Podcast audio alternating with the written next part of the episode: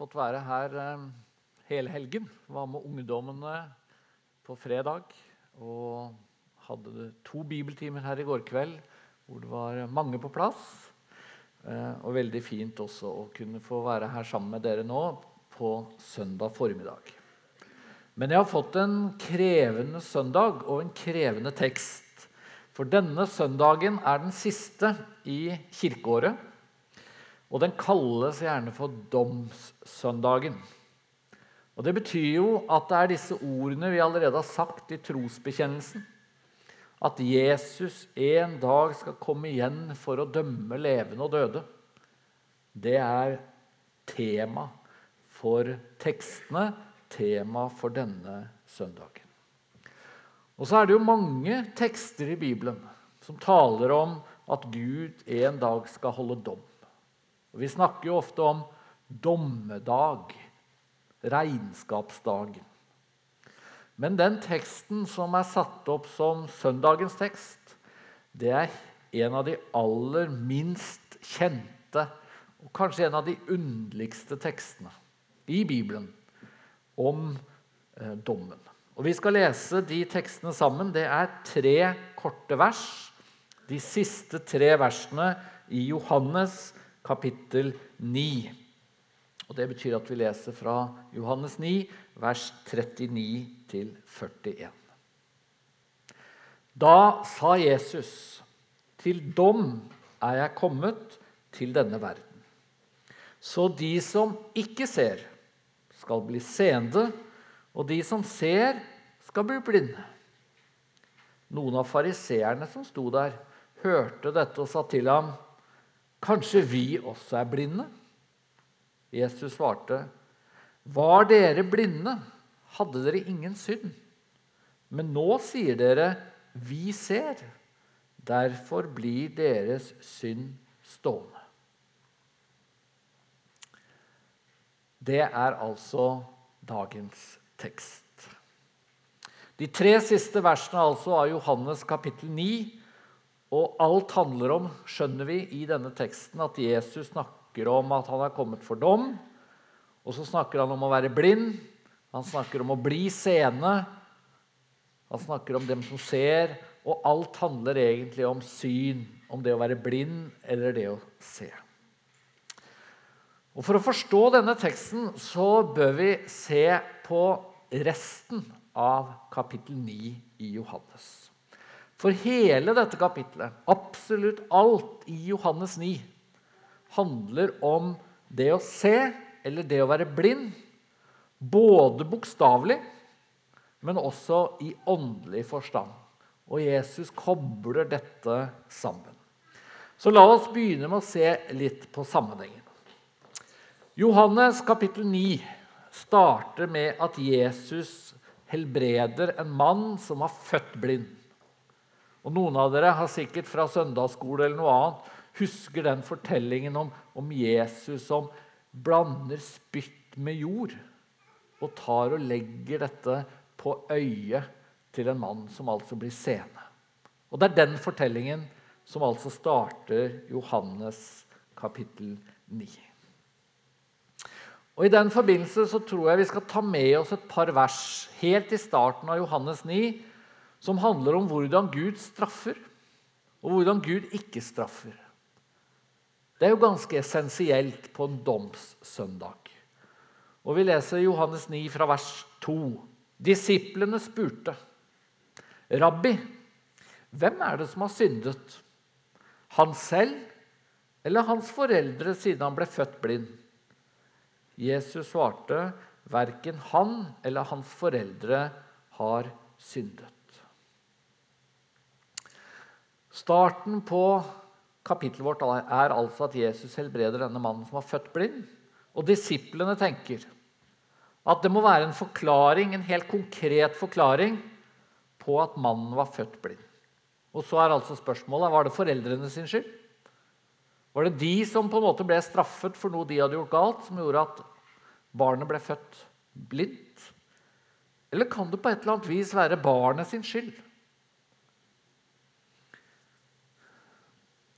Og Jesus avviser altså dette. Sykdommen skyldes ikke en helt spesifikk synd. Og Jeg tror det er veldig viktig å huske på akkurat dette når tragedien rammer. Når ulykken skjer, når sykdommen kommer. Vi trenger ikke å tenke, vi skal ikke tenke, at nå er det Gud som helt konkret straffer et eller annet i våre liv. Jesus avviser den måten å tenke på. Selv om sykdom indirekte skyldes synd, ondskap Selv om sykdom selvfølgelig ikke er Guds vilje og Guds plan, så er sammenhengen mellom sykdom og synd den sammenhengen er indirekte. Vi trenger ikke å tenke at Gud straffer oss for et eller annet. Jeg har møtt noen mennesker som har sagt at de var kristne fram til tragedien rammet. Fram til et eller annet forferdelig skjedde, så trodde de på Gud og var kristne, og så forlot de troen. Og så har jeg av og til tenkt hva trodde du om sykdom og ulykker og den slags før det skjedde? Gikk du rundt og tenkte, bevisst eller ubevisst, at det å være kristen det betyr at man har en slags garanti som gjør at eh, Gud sender ikke akkurat den type sykdom, i hvert fall, eller den type tragedie inn i mitt liv? Jeg har i hvert fall lyst til å bruke muligheten denne søndagen til å si at, at som forkynner i, i, dag så har jeg ikke lyst til å love mer enn Gud har tenkt å holde.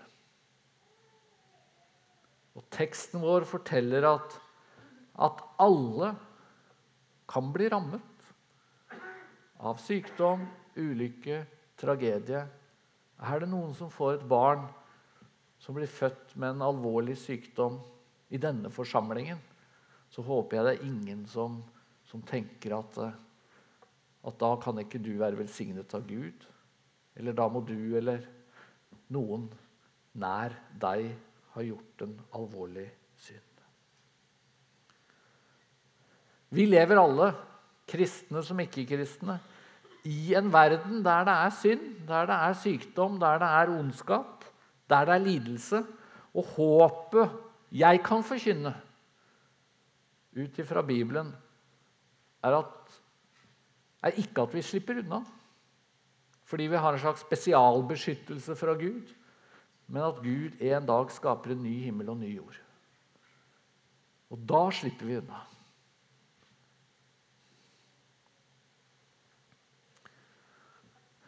Så betyr selvfølgelig ikke dette at det ikke noen gang er en sammenheng mellom konkrete synder og, og tragedier. Det kan det jo være. Det står i Bibelen at vi høster som, som vi sår. Men sammenhengen er ikke alltid der. Og ikke minst så gjelder nok det en del sykdommer. Jesus helbreder i hvert fall denne mannen. Han som var født blind. Og det provoserer fariseerne. Fordi Jesus helbreder på sabbaten. Og Vi leser i vers 16 fortsatt i kapittel 9. Da sa noen av fariseerne, 'Denne mannen er ikke fra Gud, siden han ikke holder sabbaten.' Andre sa, 'Hvordan kan et syndig menneske gjøre slike tegn som han?' Det ble uenighet blant dem om dette. Og Veldig mye av det som videre skjer i Johannes kapittel 9, etter at Jesus altså har helbredet denne mannen som var født blind, det er rett og slett en debatt, en diskusjon, blant jødene, blant fariseerne. Hvordan kan det ha seg at en sånn fantastisk helbredelse skjer på en sabbat?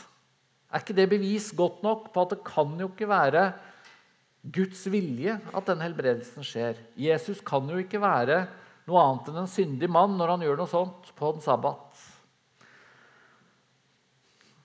Og så begynner faktisk denne mannen som er blitt helbredet, han begynner å engasjere seg i debatten. Han begynner å forsvare Jesus som har gjort ham frisk. Han går i diskusjon med de lærde, med fariseerne. Og de blir enda mer sinte. Og så leser vi i vers 33, så nå går vi gjennom dette kapitlet.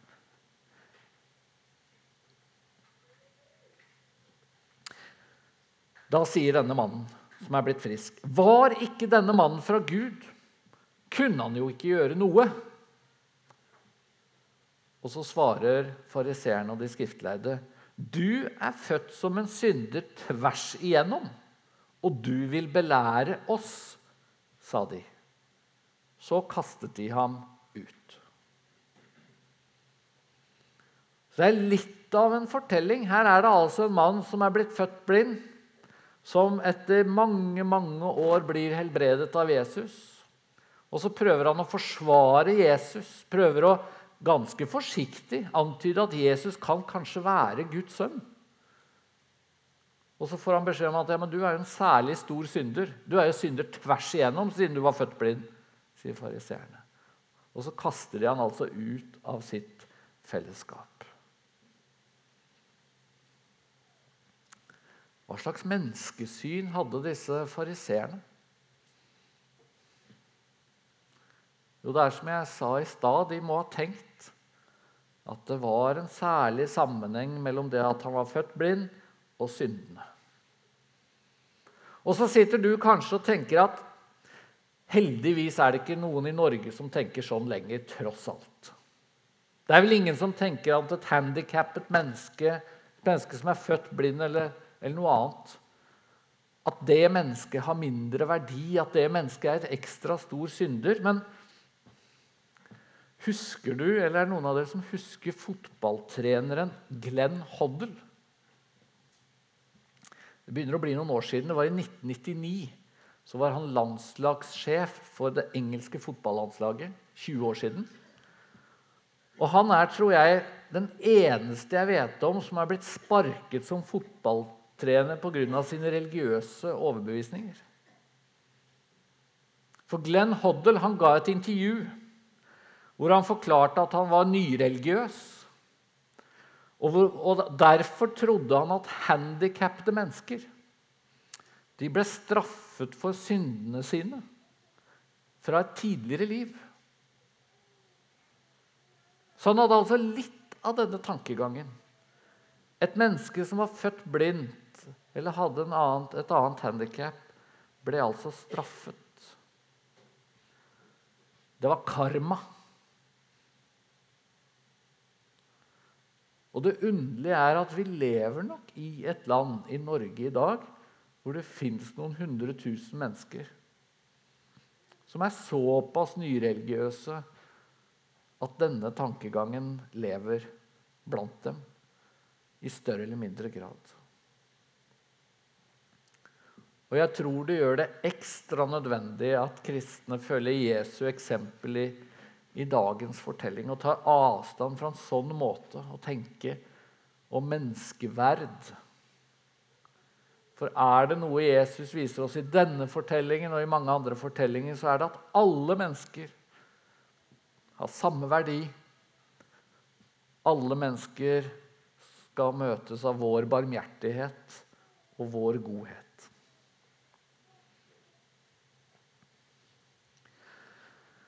Vi fortsetter. Nå nærmer vi oss dagens tekst i Johannes 9. For Jesus helbreder altså en blind mann. Fariseerne er kritiske. Og så møter denne mannen, etter å ha blitt kastet ut, etter å ha blitt avvist, så møter han Jesus igjen. Og Det er det siste som skjer før vi er ved dagens tekst. Og Da leser vi hva som skjer når Jesus og han møtes. Da er vi i Johannes 9 og kommet oss til vers 35. Jesus fikk høre at de hadde kastet ham ut, og da han møtte ham, spurte han, 'Tror du på menneskesønnen?' Han svarte, 'Hvem er han da, gode Herre, så jeg kan tro på ham?' Jesus svarte, 'Du har sett ham. Det er han som snakker med deg.' 'Jeg tror, Herre', sa mannen, og han tilba ham. Og Dette er altså det siste som skjer før teksten vi startet med å lese. Det siste som skjer, er altså at en mann som var blind, som er blitt helbredet, han begynner å tro at Jesus er menneskesønnen, at Jesus er Messias, at Jesus er verdens frelser. Og Det gjør selvfølgelig at konflikten mellom fariseerne, som har støtt ut denne mannen, og Jesus blir enda sterkere. For plutselig er denne mannen altså blitt en disippel av Jesus. Og så er vi altså ved dagens tekst. Og Da tror jeg det blir litt lettere å forstå hva er det Jesus vil si med starten. Han sier altså i vers 39.: Da sa Jesus, til dom er jeg kommet til denne verden, så de som ikke ser, skal bli seende, og de som ser, skal bli blinde. Jesus sørger altså for, og det var en del av hans tjeneste, at han som var blitt født blind, han som var blitt sett ned på, han som var blitt foraktet, han som noen mente var en ekstra stor synder, han blir altså seende, og han blir seende i dobbel forstand. Gjennom kapittel 9 får han først synet igjen, bokstavelig talt.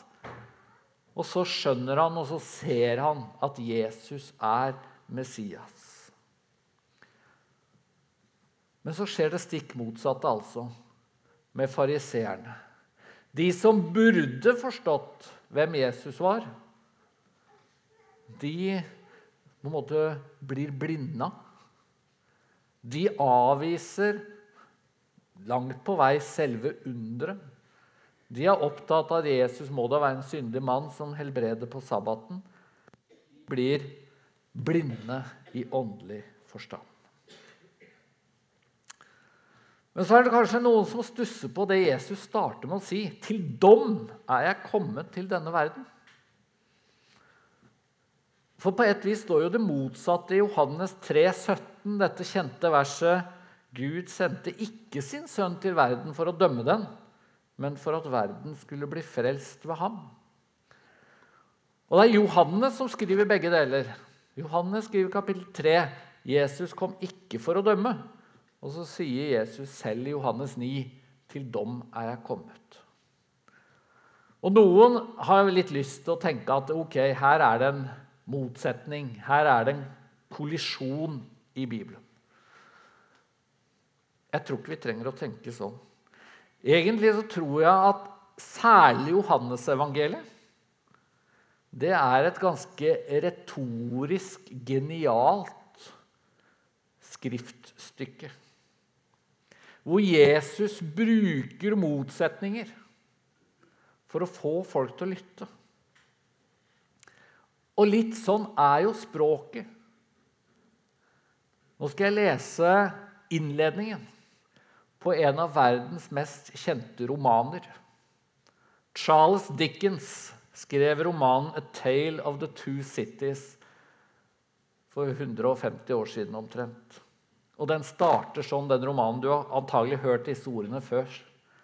It was the best of times, it was the worst of times. It was the age of wisdom, it was the age of foolishness. It was the epoch of belief, It was the epoch of incredulity. It was the season of light. It was the season of darkness.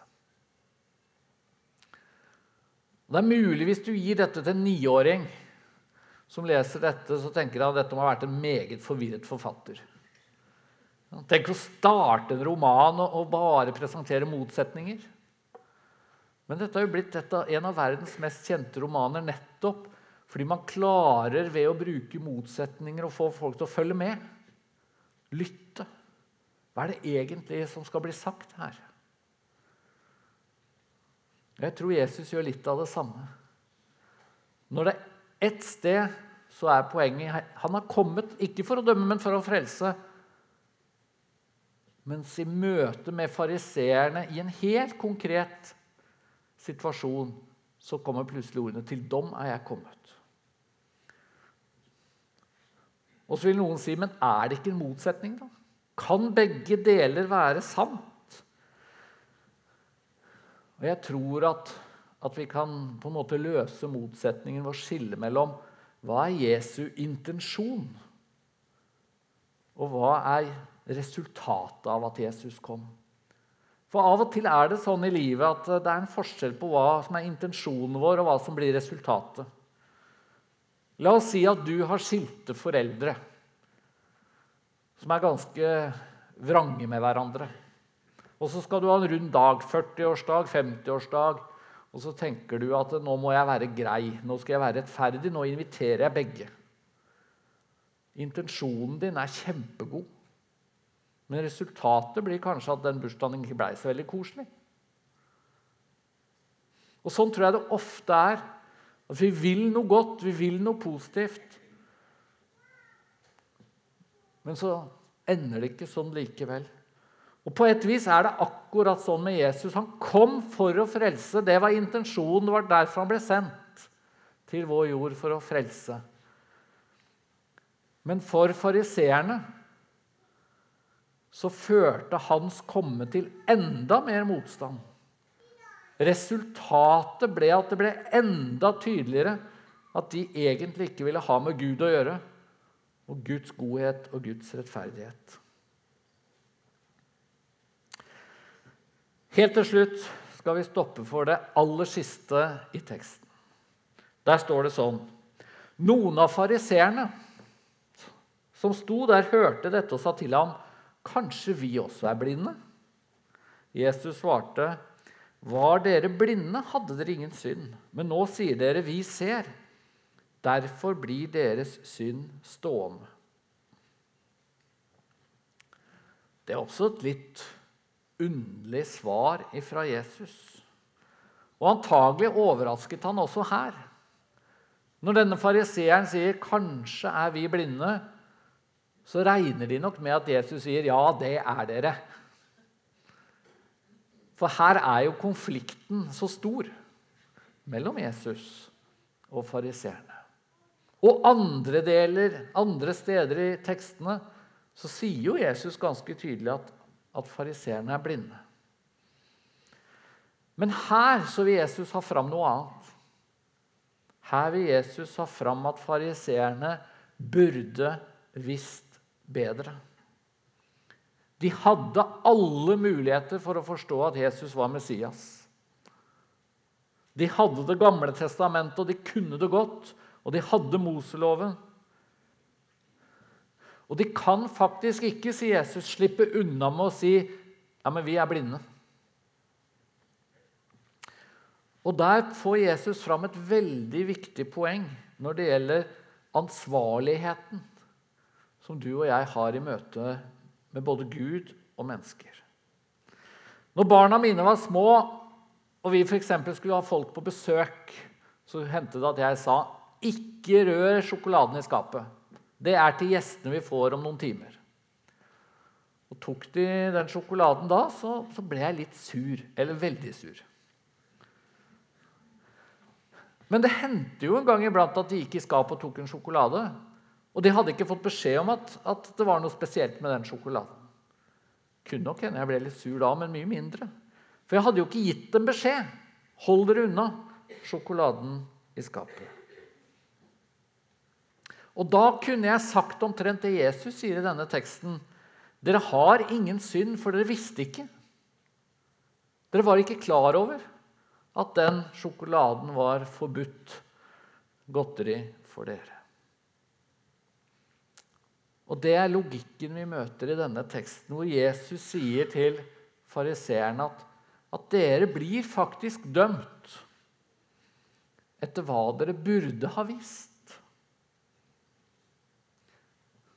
Så I denne teksten så ligger det også denne tanken at det er mer alvorlig å være den som bevisst snur ryggen til Jesus, enn å være den som aldri har hørt om Jesus. Den som aldri har tatt ordentlig stilling, den som ikke kunne vite. Og så hva det betyr i praksis. Hvordan skal Gud dømme rettferdig når noen vet mer enn andre? Fariseerne får vi ofte høre skal bli hardere dømt, for de burde visst bedre. Ja, det må vi overlate til Gud. Alt vi kan si, er at eh, den Gud som skal holde dom, han er god, han er rettferdig, han kan vi overlate dommen til. Og så skal vi huske at Guds dom, selv om det er et veldig alvorlig budskap, så er det også et godt budskap. For en dag skal Gud ta et oppgjør med ondskap, et oppgjør med overgrep, et oppgjør med urett. Og for deg og meg som tror på Jesus, så er dommen en vei til livet, som det står i Johannes 5, 24.